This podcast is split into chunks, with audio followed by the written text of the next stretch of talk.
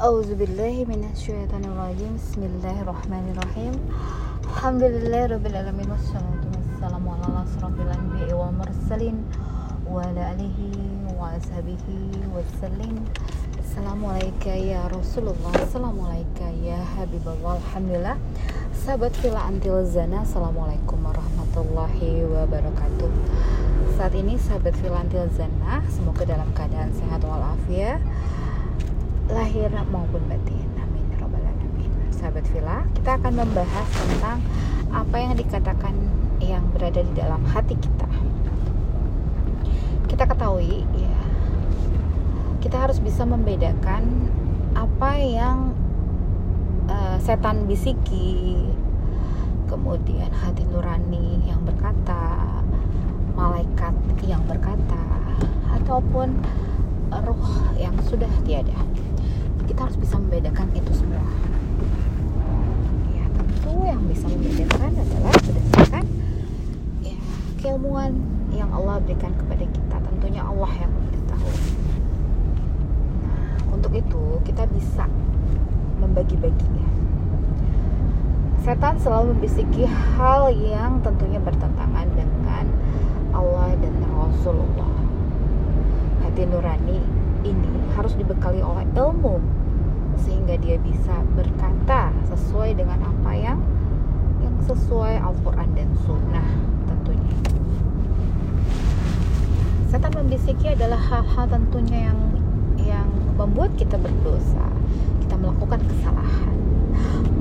Malaikat menjadi penyeimbang yang yang berkata ya sesuai dengan tentunya malaikat ini juga mencari ilmu seperti kita mendengarkan menjadi uh, ilmu yang Allah berikan. Tentunya kepada manusia. Dan tentunya setan juga membisiki suatu hal yang tentunya membuat kita berdosa. Karena itu adalah sudah menjadi fitrahnya sudah menjadi ketentuan yang Allah tetapkan. Nah untuk itu bagaimana kita ini agar satu kita harus tetap memiliki ilmu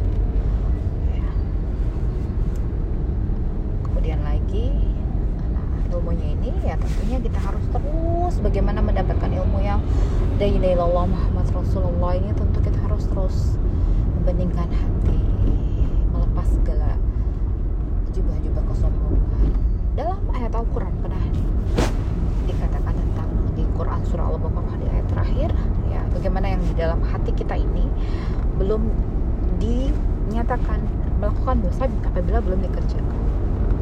Baru terbersit di hati harus kita uh, manage benar-benar apa yang di dalam hati kita ini.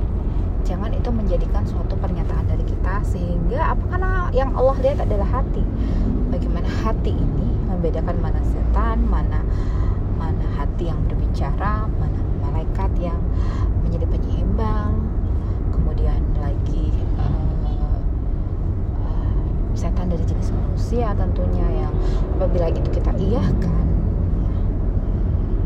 atau uh, manusia yang memberikan masukan-masukan yang positif itu semua harus kita tanamkan dalam hati menjadi satu ya satu uh, apa yang kita pilih apa yang kita tetapkan yang tentunya yang menjadi dasar dalam dalam melakukan segala kegiatan kita dalam kehidupan ini melalui tentunya dari hati. Ilmu yang kita dapati informasi yang kita dapati kemudian kita olah dan dinyatakan di dalam hati dan dilakukan dalam perbuatan dan amalan itu yang kita bisa bahas malam ya. karena dalam hati kita ini bergejolak. Banyak suara-suara yang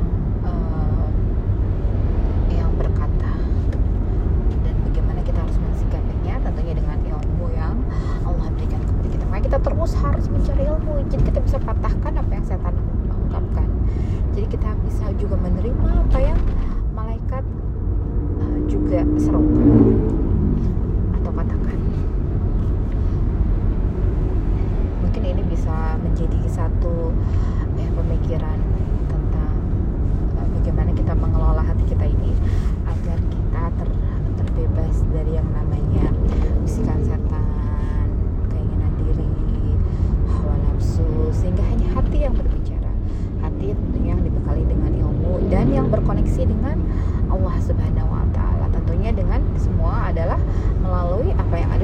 tubuh kita ini ya roh.